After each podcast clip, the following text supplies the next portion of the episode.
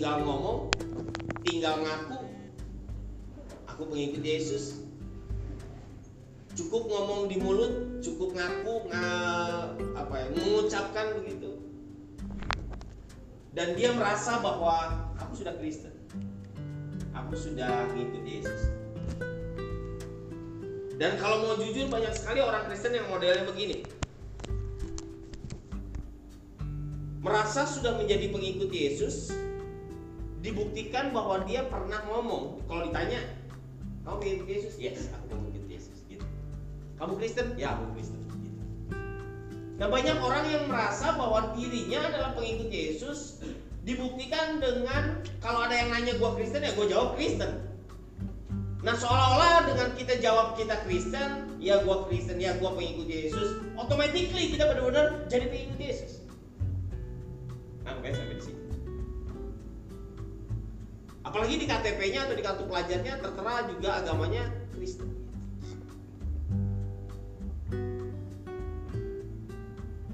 Padahal kalau mau bicara soal menjadi pengikut Yesus, itu bisa hampir dibilang nggak ada kaitannya dengan ada tulisan Kristen atau enggak di agamamu itu.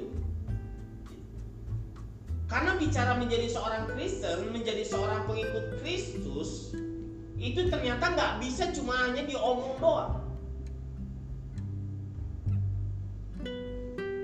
Satu kali saya tertarik dengan Alkitab karena Alkitab bilang begini, kalau cuma kamu mengakui Yesus adalah Tuhan, kamu kemudian merasa dia menjadi pengikut Yesus, saya mau kasih tahu. Iblis saja tahu Yesus. Iblis itu tahu Yesus. Tapi tahu Yesus bukan berarti dia follower Jesus. Automatically dia pengikut Yesus. Satu kali bilang begini. Karena iblis itu tahu siapa Yesus, dia kenal siapa Yesus. Dia tahu persis bahwa dia itu anak Allah. Dia mengakui kalau Yesus itu Tuhan. Tapi dia tidak mengikut Yesus. Maksud saya hati-hati jangan sampai kayak setan. tahu Yesus, kenal Yesus, tapi kamu nggak ngikut dia. Karena untuk ngikut, nanti saya akan jelaskan kemudian. Satu kali di kisah para rasul 19 ayat 15 bilang begini, ada murid-murid doain seorang yang kerasukan setan dan kemudian setan setannya bilang begini sama murid-murid. Kisah Rasul 19 ayat 15. Tetapi roh jahat itu menjawab, Yesus aku kenal. Ini kata setan nih. Yesus aku kenal dan Paulus aku ketahui. Tetapi kamu, siapa kamu? Malu gak? Setan aja kenal Yesus. Setan kenal siapa Paulus. Setan. Jadi kalau kita cuma tahu Yesus, merasa kenal Yesus, jangan bangga dulu. Setan juga kenal, tapi dia tidak follow Jesus. Bahkan dibilang di bagian lain bilang begini. Iblis itu hormat, takut, gemetar sama Tuhan. Bahkan dia tunduk sama Tuhan. Setan.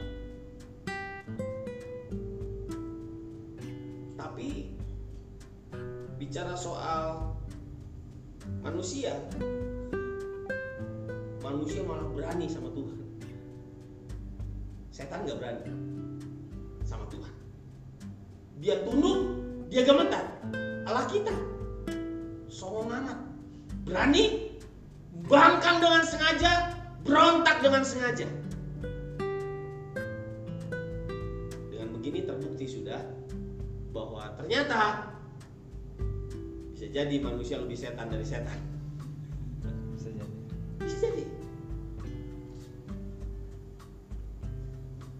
Karena ternyata ada orang-orang yang lebih tunduk, lebih taat kepada ajakan setan daripada ajakannya Roh Kudus. Dari situ sudah terbukti bahwa kamu taat sama siapa, kamu tunduk sama siapa. itu akan membuktikan siapa Anda. Bicara soal tahu Yesus, iblis juga tahu. Kenal, dia tulis, aku kenal siapa Yesus. Paulus, aku tahu siapa Paulus. Tapi lo, siapa lo? Apa sih nggak coba digituin? Sekarang baru kita akan masuk ke dalam arti kata follow itu apa. Karena dari sini saya ingin teman-teman supaya teman-teman tahu bedanya agama Kristen dengan pengikut Kristus. Gak cuma ngomong doang aku follower Jesus. Aku percaya Yesus, tapi jauh lebih itu. Lebih dari itu. Mari kita belajar arti kata follow itu adalah seperti berikut. Follow bahasa Indonesia sederhananya ya mengikuti. Ikut.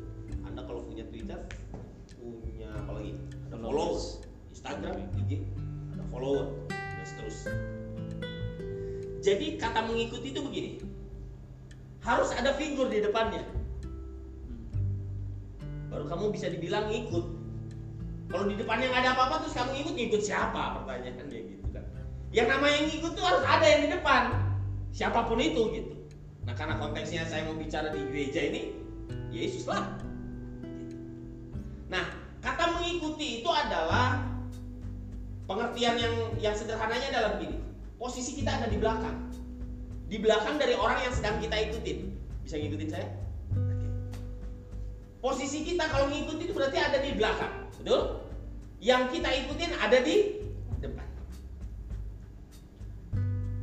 Pengertian kedua, kalau yang di depan sana belok kanan, maka kita akan belok kanan. Itu mengikuti. Gampangannya gitu. Kalau dia belok kiri, ya kita ikut belok kiri.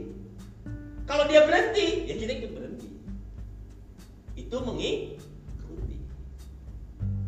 Kalau teman-teman di sini punya apa saudara atau atau anda sendiri bahkan suka touring, nah biasanya ada tuh yang leader, member, dia akan ngikutin yang di depan, leader. Saya pernah ketemu touring motor-motor apa tuh yang agak-agak gede gitu. Kadang-kadang suka songong, dia pakai kaki kan kalau mau belok tuh. Bukan ratingnya bukan. Kurang ajar. Karena gede. Satu semua di belakang, semua ikut begini. Iya iya. Saya bilang, wah kelar memang kalau udah touring, udah deh. Ribet kita urusan. Karena dia banyak kan panjang, us. Biasanya weekend mereka akan touring. Semua ikut. Nanti si depannya ke kanan, semua ke kanan, kakinya semua ke kanan. Ada yang pakai lidah, sekalian aja. Ngikut. Itu kata mengikuti. Jadi di pengertian pertama ini arti kata mengikuti si yang mengikut yang posisinya di belakang ini dia akan ngikutin apa pun yang dilakukan oleh yang di depan. Itu mengikuti. Gitu. Pengertian kata follow yang lain juga bisa seperti ini.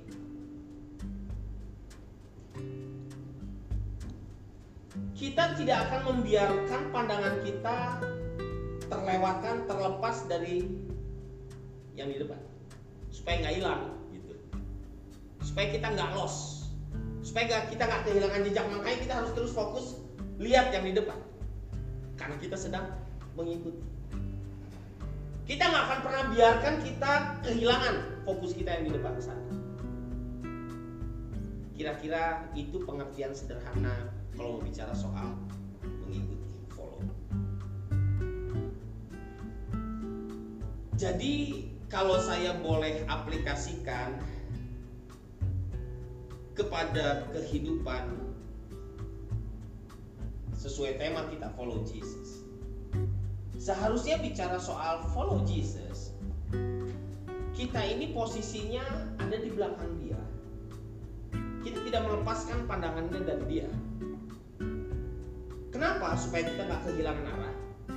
Supaya kita nggak kesesat jadi kita akan fokus dan mengikuti apa yang dia lakukan. Itu mengikuti Yesus. Jadi kalau dia berhenti, kita akan ikut berhenti.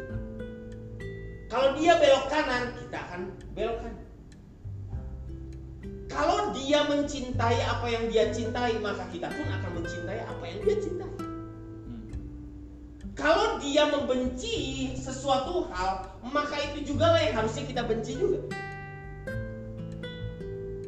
Konteksnya begitu. Kalau bicara soal. Nah, jujur saja dengan tolak ukur ini saja, di bagian ini saja, banyak orang-orang yang ngaku-ngaku tadi kalau mau disortir tolak ukurnya ini saja banyak yang gugur secara otomatis. Kenapa? Dia Kristen, tapi giliran Tuhan belok kanan, dia dengan sengaja, dengan sadar, dia belok kiri. Ada orang-orang yang ngaku Kristen, tapi di dalam praktiknya dia melakukan itu. Tapi dia bilang, aku Kristen. Aku ke gereja. Aku pelayanan. Tuhan berhenti, dia lari. Tuhan lari, dia berhenti. Tuhan belok kanan, dia malah mundur. Semuanya tidak selaras.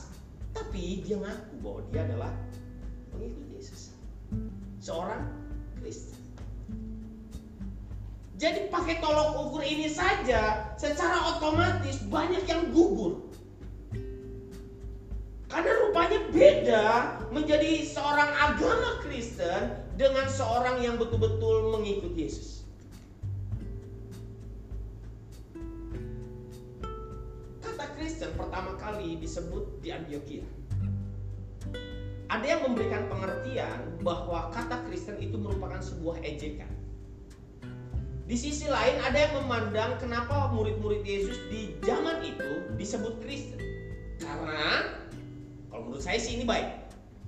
Orang-orang Antioquia menyebut murid-murid Kristus ini Kristen karena cara bicara mereka seperti Yesus. Hmm. Mereka punya kesederhanaan seperti Yesus. Mereka punya cara hidup, gaya hidup itu seperti Yesus. Makanya disebut Kristen. Kristus, Kristus kecil sama orang sana. Tapi lucu dengan manusia zaman sekarang. Yesusnya pemaaf, kitanya pendendam, konyol. Betul? Betul. Yesusnya suka memberi, suka menolong, kitanya cuek. Bodoh amat. Emang gua pikirin.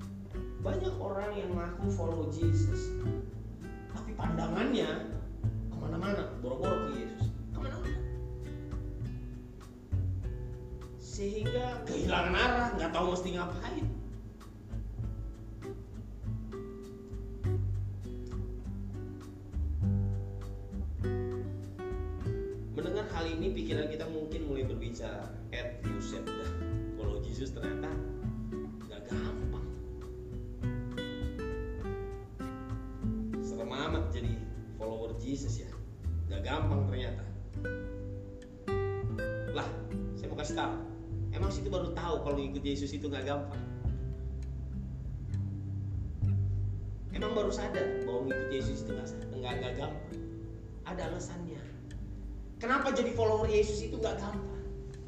Karena dia nggak mau punya pengikut gampangan. Murahan dia nggak mau. Makanya nggak gampang ikut Yesus. Karena kalau dia berarti memutuskan dirinya untuk mengikut Yesus, dia memang bukan orang gampang. Karena memang nggak gampang. Nggak mau punya pengikut gampangan.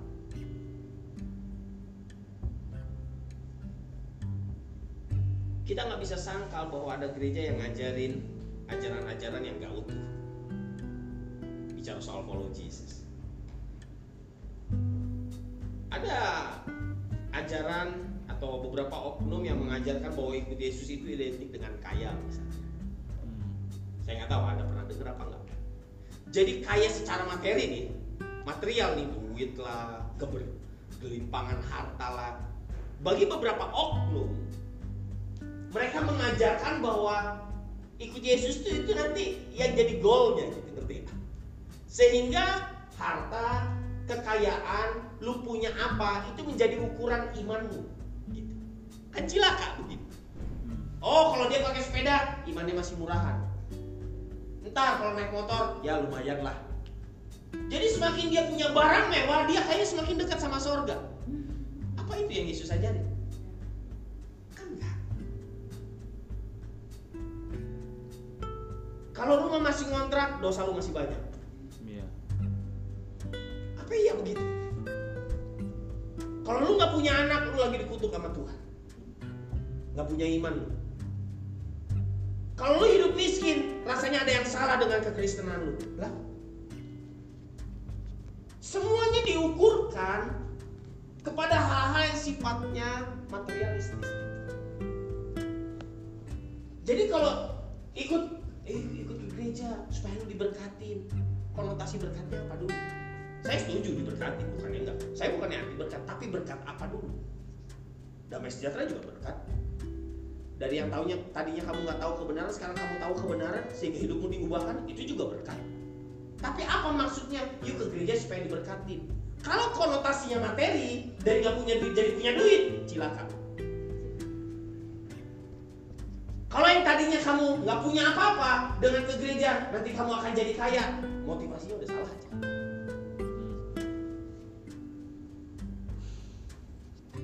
Jadi seolah-olah, seolah-olah bicara soal percaya Yesus, beriman kepada Yesus, mengikuti Yesus, itu semuanya diukurkan kepada nanti gue dapat apa ya?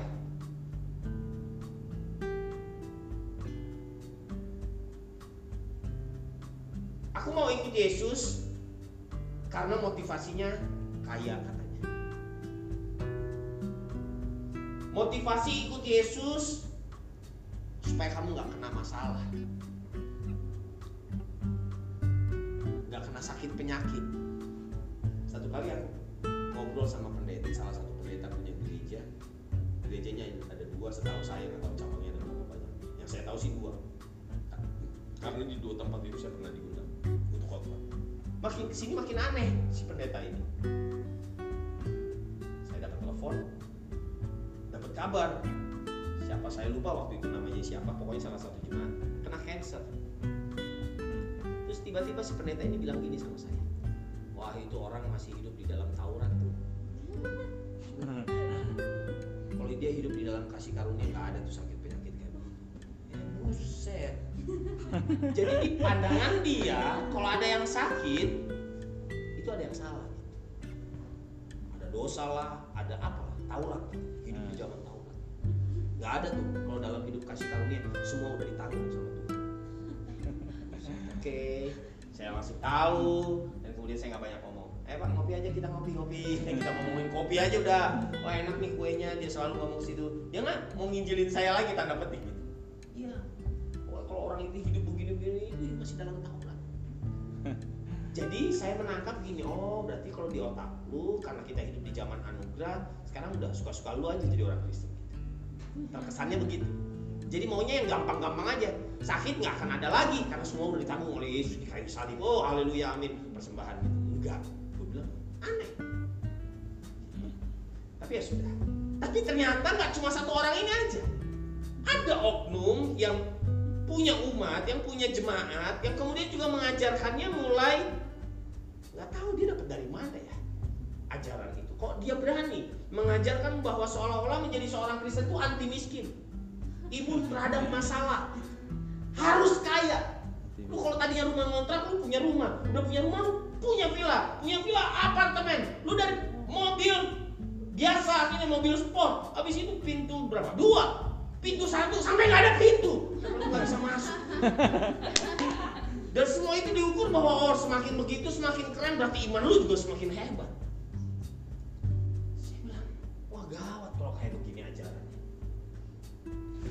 Mengikuti Yesus karena untuk kaya. Hmm. ngikut Yesus supaya lu diberkati. Tapi berkatnya itu berkat-berkat yang sifatnya tuh materialis. Lu bisa kerjakan dulu gitu. Ngerti ya? Lu pengen ke bangsa-bangsa bahasa Inggris lu gimana? Kerepotan lu cuma lulusan apa? Bukan bermaksud saya merendahkan tetapi maksud saya yuk pakai iman ini sama Tuhan betul dia bisa menembus batas saya percaya. Tapi dia juga ingin ngajarin kita untuk percaya kepada kerjakan yang terbaik dari hal-hal yang kecil.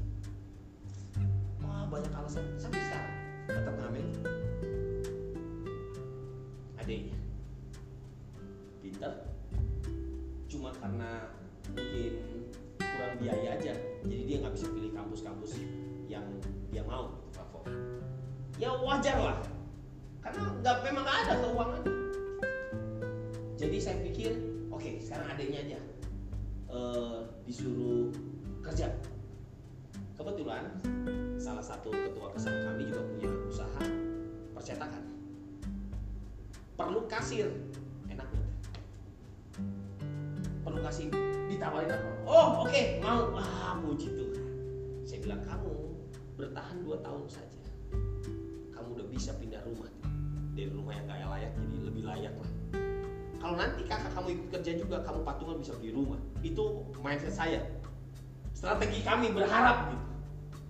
Entah, baru tiga hari berhenti tuh. Jadi kasih kami sampai kaget-kaget. Kenapa? Karena di pikiran kami itu udah enak banget. Yang lain harus lulusan ini lulusan ini. Lu cuma lulusan SMA dijadiin kasih gaji lu UMR enak banget itu udah. Kenal lagi bosnya satu gereja lagi. Bahaya lagi orangnya. Kenapa lu keluar? Capek kak. Jauh. Astaga. Gak heran lu kurang terus. Baca Amsal tangan yang lambat kamu datangkan kemiskin gak usah disumpah-sumpahin. Jadi maksud saya begini. Yes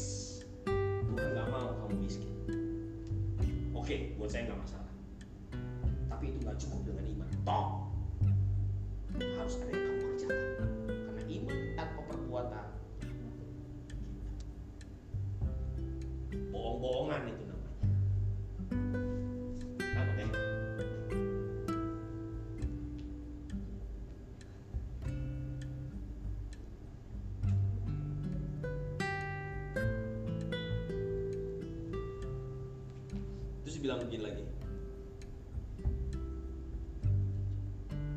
Gua jadi orang Kristen, pengikut Yesus, nggak adalah sakit-sakit.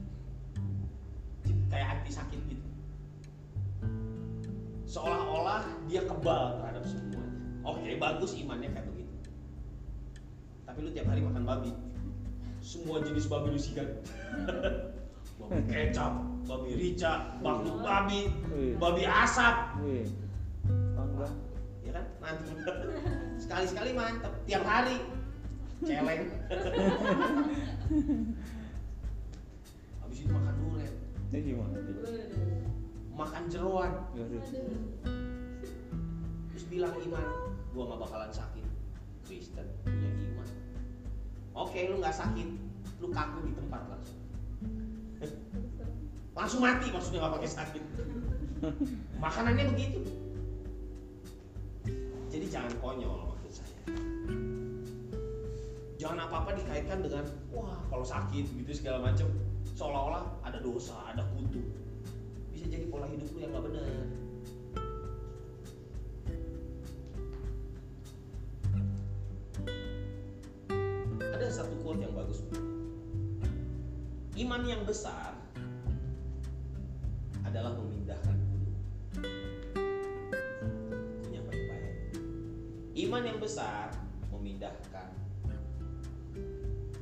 yang benar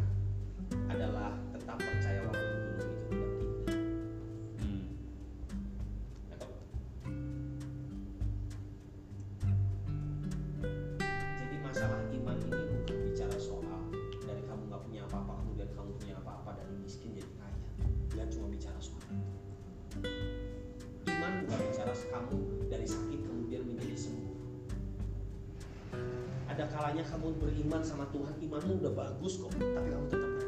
orang-orang tetap mati dengan sakit. Iman bukan berarti anti kesusahan dan hidupnya harus happy sampai mati. Yesus itu dicambuk-cambuk tuh. Saya mau kasih tahu. Para rasul tuh nggak punya rumah. Jadi kalau itu ukurannya gagal semua tuh berarti mereka nggak bukan orang beriman. Berarti. Roy Ponto tuh dipotong. Padahal dia beriman banget sama Yesus. Dan kalau saya mengukurkan ke diri saya waktu saya ke Ambon, ketemu sama guru sekolah minggunya, kayaknya gue belum apa-apa nih kalau bicara soal iman sama si orang sama si Roy Ponto. Roy Ponto orang di KPP. Tapi dia dipotong, mati. Sementara si Domingus yang Bapak Domingus yang di Dulos udah dipotong lehernya hidup lagi. Mujizat. Tolonglah jangan ukurkan iman itu dengan hal-hal semacam itu. Maksud saya. Nah, bicara soal follow Jesus, kita harus punya kedalaman. Saya ingin mengajak siang hari ini kita kepada kedalaman. Bukan cuma follow di permukaan.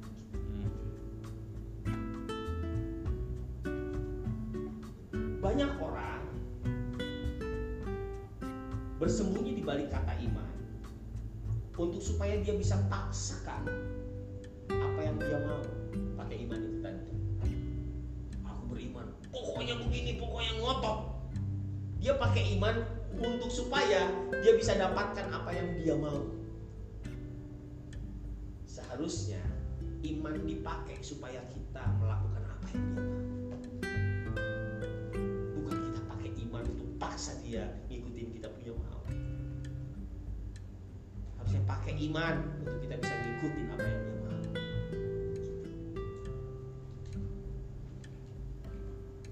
Nah, menjadi pengikut Yesus adalah menjadikan Yesus satu-satunya dan segalanya dalam kehidupan kita. Tidak ada yang lain. Saya mau masuk ke dalam follow Jesus yang lebih deep. Terserah Anda mau setuju dengan saya atau tidak. Tetapi selama kamu ngaku follow Jesus tapi tidak menjadikan Yesus segala-galanya dan satu-satunya di dalam belum. Menjadi pengikut Yesus yang sejati. Lukas 9 ayat 23. Kita buka ayat. Lukas 9 ayat 23. Kita baca sama-sama 2 3. Katanya kepada mereka semua, setiap orang yang mengikut aku, ia harus menyangkal dirinya, memikul salibnya, setiap hari dan mengikut aku.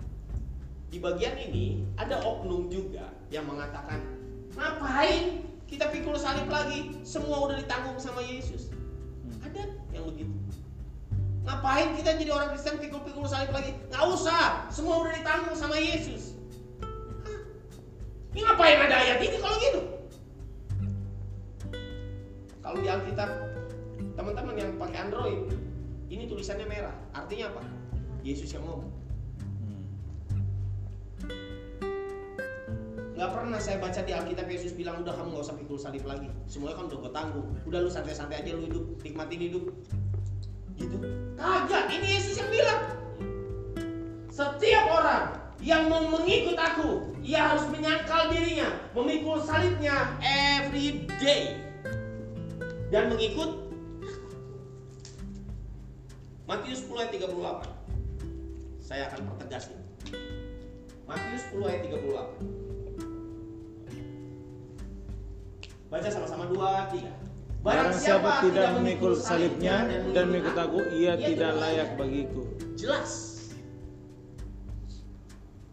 Jelas bahwa bicara soal kalau kamu mau mengikut Yesus, kamu harus sangkal diri, kamu harus pikul salib setiap tanpa itu kamu tidak layak menjadi pengikut aku. Clear, jelas.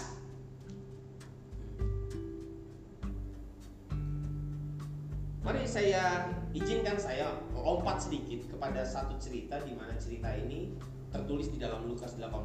Tolong dibuka Lukas 18 ayat 18. Di sana saya akan memberikan gambaran kepada teman-teman supaya nanti teman-teman tahu maksud saya kenapa bicara soal follower Yesus yang kalau mau deep kamu harus sampai ke level di mana kamu menjadikan Yesus satu-satunya dan segalanya di dalam hidup. Saya akan berikan gambaran mengenai hal itu dari cerita itu. Ada seorang pemimpin bertanya kepada Yesus katanya, ini bukan pemimpin sebenarnya. Kalau di ada seorang muda yang kaya sebenarnya di sini. Ya, ada seorang muda yang kaya bertanya kepada Yesus, Guru yang baik, apa yang harus aku perbuat untuk memperoleh hidup yang kekal? Selanjutnya ayat 19. Ya. Jawab Yesus, mengapa kau katakan aku baik? Tak seorang pun yang baik selain daripada Allah saja. 20, kita sampai 23. Engkau tentu mengetahui segala perintah Allah. Jangan berzina, jangan membunuh, jangan mencuri, jangan mengucapkan saksi dusta, hormatilah ayah ibumu. Kata orang itu, semua itu telah kuturuti sejak muda. Mendengar Yesus berkata kepadanya, masih tinggal satu lagi hal yang harus kau lakukan. Jualah segala yang kau miliki dan bagi-bagikanlah itu kepada orang-orang miskin, maka engkau akan beroleh harta di sorga. Kemudian datang ke sini dan ikutlah aku. Ketika orang itu mendengar perkataan itu, ia menjadi amat sedih sebab ia sangat kaya. Saya akan sederhanakan cerita ini. Satu kali ada seorang anak muda datang kepada Yesus. Seorang yang kaya, sorry. Seorang yang kaya datang sama Yesus. Dia tanya, guru yang baik, gimana caranya supaya aku dapat hidup yang kekal? Terus Yesus tanya, kenapa kamu bilang gue baik? Kalau kamu ingin dapat kehidupan, kamu harus melakukan perintah Allah. Hebatnya si anak muda ini, si orang kaya ini, perintah yang mana? Terus Yesus bilang, tadi waktu dibilang jangan mencuri, jangan berzina, jangan berbohong, itu adalah kutipan dari 10 perintah Allah. Betul ya? Waktu Yesus jelaskan jangan begini, jangan begini, jangan begitu, si anak muda ini masih ngomong begini. Itu semua sudah kulakukan sejak muda. Perintah yang mana lagi? Songong kan? Keren. Coba cewek-cewek udah kaya, tahu firman, melakukan firman lagi. Idaman banget kan? Eh coba. Coba cari WA-nya berapa? Keren tuh. Perintah yang mana lagi? Semua itu sudah kulakukan. Oke, kalau begitu, ada satu hal lagi. Jual semua hartamu, bagikan kepada orang miskin. Lu balik lagi ke sini dan ikut aku. Di ayat yang terakhir, ketika orang itu mendengar perkataan Yesus tadi, Tak sedih lagi. ia menjadi amat sedih sebab ia sangat Kaya. kaya. Selesai cerita ini di sini. Menurut para ahli Alkitab, si anak muda ini nggak pernah balik lagi. Artinya dia nggak follow Jesus. Kenapa? Dia lebih condong kepada harta yang banyak itu daripada.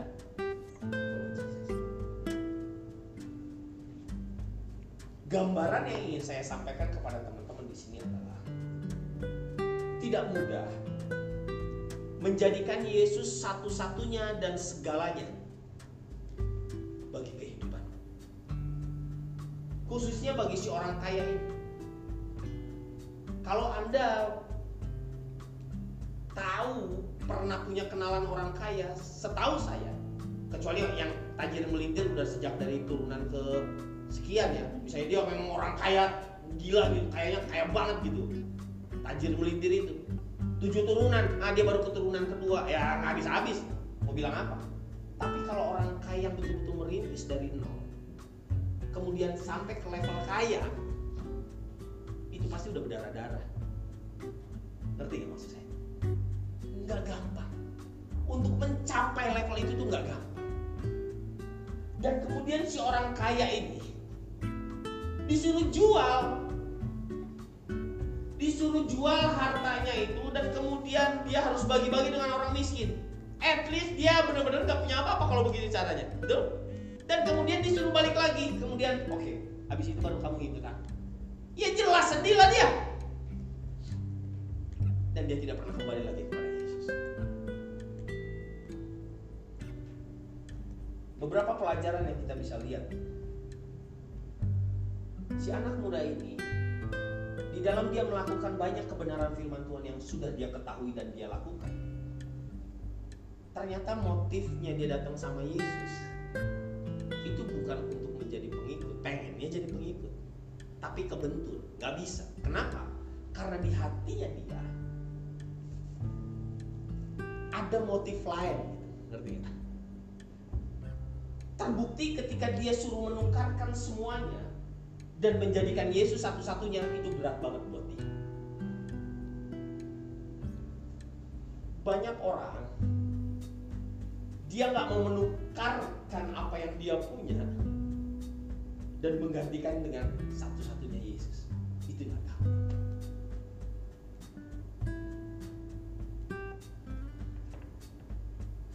Untuk dia menanggalkan semua capaian dia, lalu kemudian mengosongkan dirinya dan balik kepada Yesus mengikut Yesus, itu tahu. Satu kali saya diundang, Kak boleh bicara di tempat kami Kak, motivasi kami Kak. Saya datang, wah saya bersemangat kasih motivasi ke anak muda itu. Yes, amin segala macam udah selesai.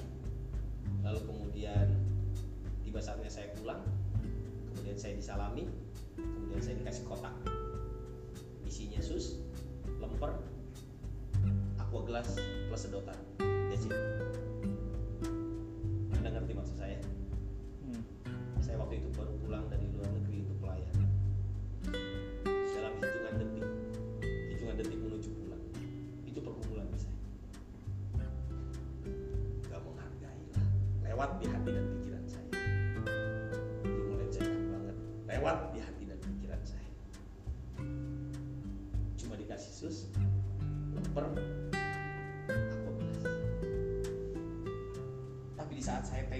Sembari pulang, itu masih ngomong di nurani saya.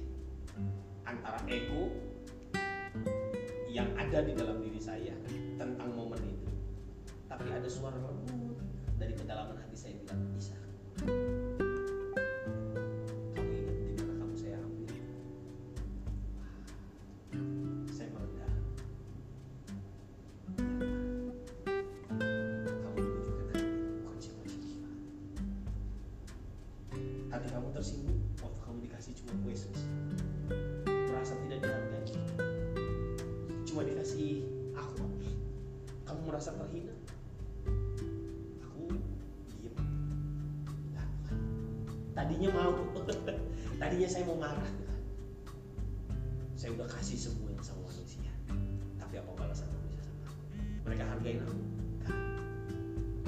Tersinggung, pengen dia.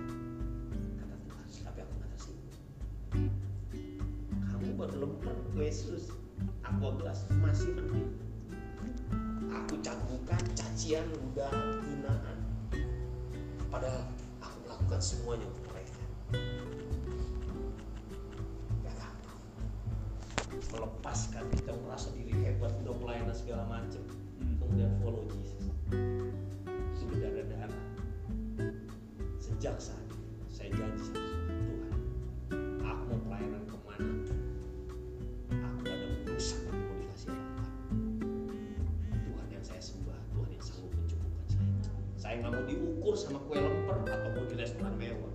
Nggak di, mau diukur sama amplop tipis apa tebal.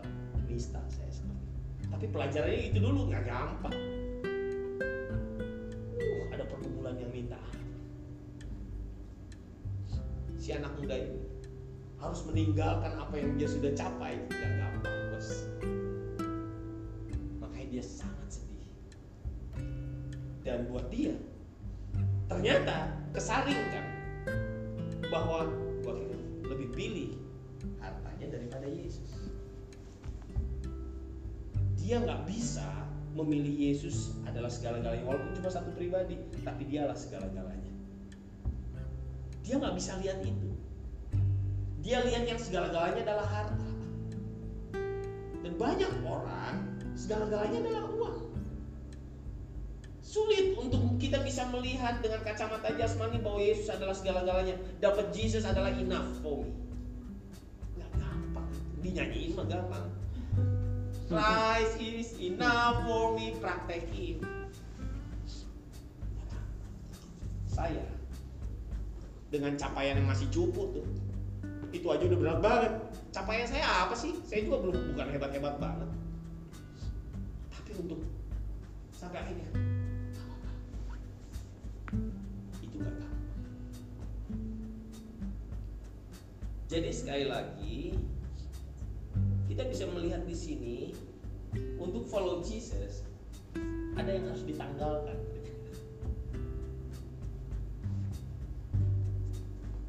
Jika kita belajar dari kisah anak muda ini bicara soal mengikuti Yesus follow Jesus adalah sebuah kerelaan suatu kerelaan di dalam diri untuk menyerahkan apa yang dianggap hebat entah itu capaian entah itu harta dan menukarnya dengan satu pribadi Yesus.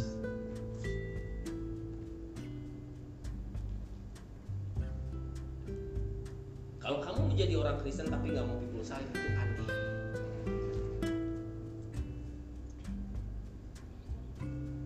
jangan kita menjadi orang Kristen tapi anti pikul salib seharusnya kita punya pemikiran bahwa pikul salib adalah semacam sesuatu keharusan yang harus kita lakukan setiap hari supaya kita layak menjadi pengikut Yesus kita. Karena firman Tuhan jelas barang siapa tidak memikul salibnya dan mengikut aku dia tidak layak. Kamu aja yang merasa layak tapi dia tidak akan menganggap kamu layak. Kalau kamu nggak lakukan bagian udah jelas clear. Kalau kamu ingin layak jadi pengikut aku, pikul salib sekali setiap hari.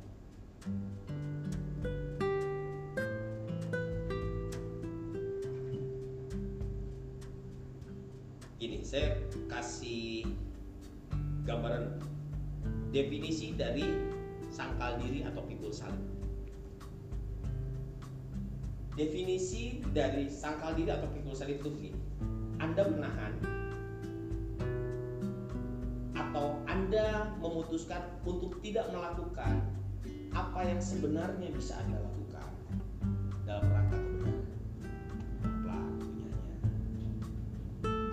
Anda menahan atau Anda memutuskan tidak melakukan apa yang sebenarnya bisa Anda lakukan dalam rangka kebenaran.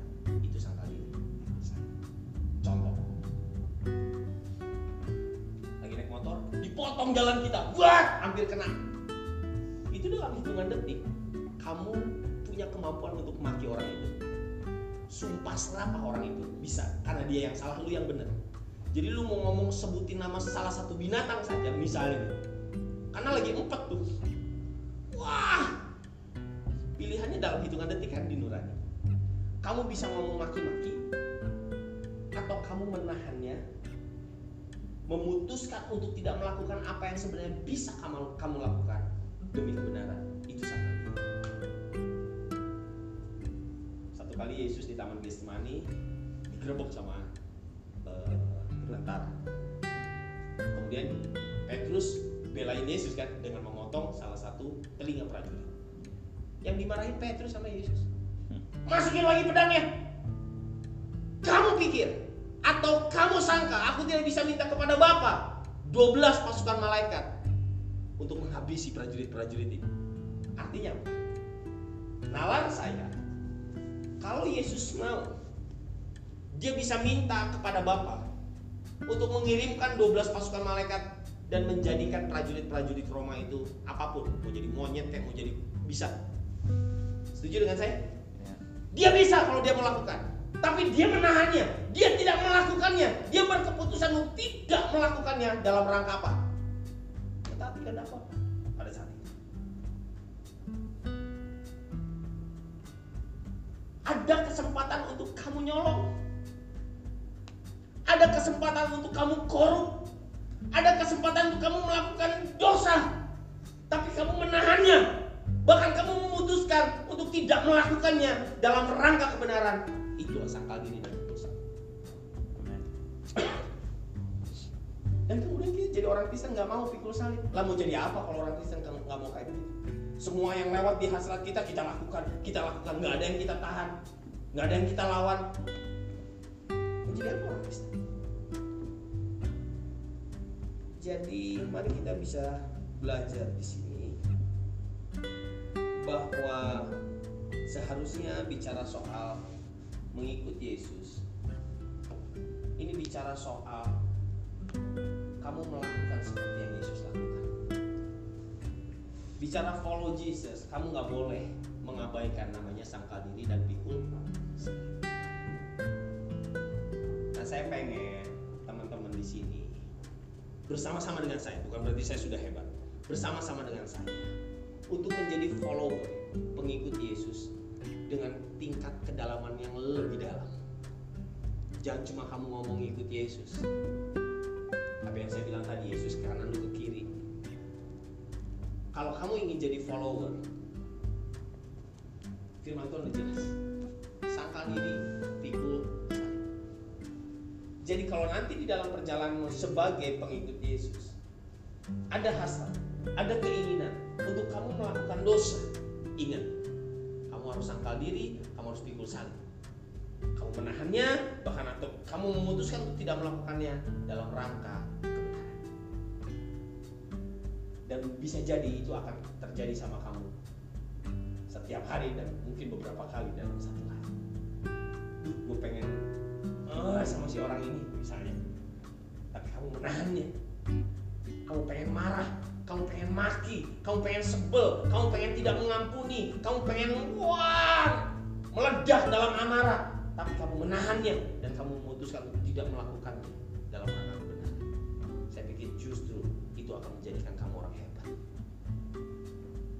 Karena gini di, di, kalau dipikir-pikir orang kalau meledak dalam amarah kayaknya wah keren. Ditakutin. Serem tapi saya baca lagi belajar di Alkitab bahwa justru orang yang sabar itu melebihi pahlawan katanya. Orang yang dapat menguasai diri itu melebihi orang yang merebut kota. Jadi saya pikir oh berarti kerenan orang sabar daripada orang yang gampang marah. Orang gampang marah kan kadang-kadang ada yang suka lakukan itu kan supaya orang-orang serem sama dia gitu kan. Ternyata enggak. Kalau mau dibilang yang kuat yang mana? Yang sabar. Tapi banyak orang bilang pahlawan atau orang yang merebut kota itu yang lebih keren betul nggak? Tapi Alkitab bilang orang yang sabar melebihi seorang pahlawan. Orang yang bisa menguasai diri melebihi orang yang merebut kota. Kemudian saya dapat renungan orang marah-marah itu gampang. Tapi orang menahan amarah ternyata itu lebih sulit. Jadi kalau dia bisa nahan amarah poinnya lebih bagus yang ini daripada orang yang ya bikin wah ngamuk. Itu ternyata gampangan.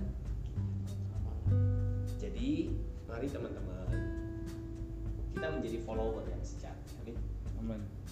dengan cara ayo kita ngikutin junjungan kita yang di depan itu. Pikul salib sangkal diri itu harus menjadi bagian dalam kehidupan kita.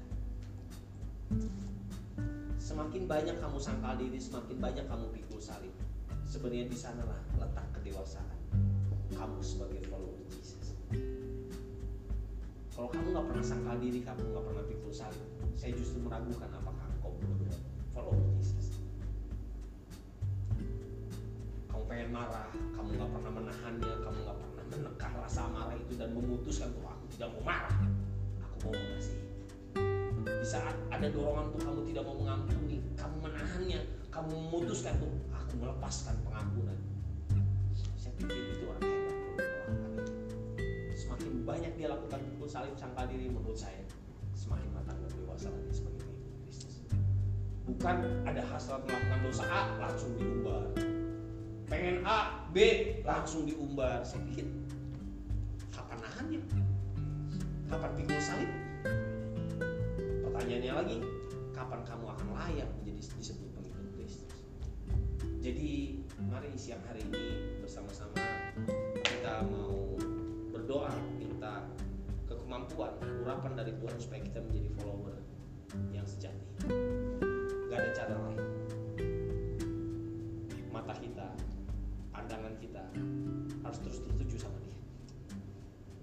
Upayakan kalau Tuhan belok kanan, kamu juga ikut kanan. Apa yang dia cintai, upayakan kamu juga mencintai apa yang dia cintai. Sekalipun itu bertentangan dengan egonya kita. Kadang-kadang gini, apa yang dia cintai itu yang kita benci malah. Apa yang dia benci itu yang kita cintai. Kan kebalik-balik. Mau jadi follower, upayakan. Kalau Yesus sukanya mengasihi, ayo kita juga mengasihi, bukan membenci dan menyimpan kesalahan orang lain. Gitu. Teman-teman pemain musik bisa ke depan. Ada satu lagu lama apa? I have decided to follow Jesus.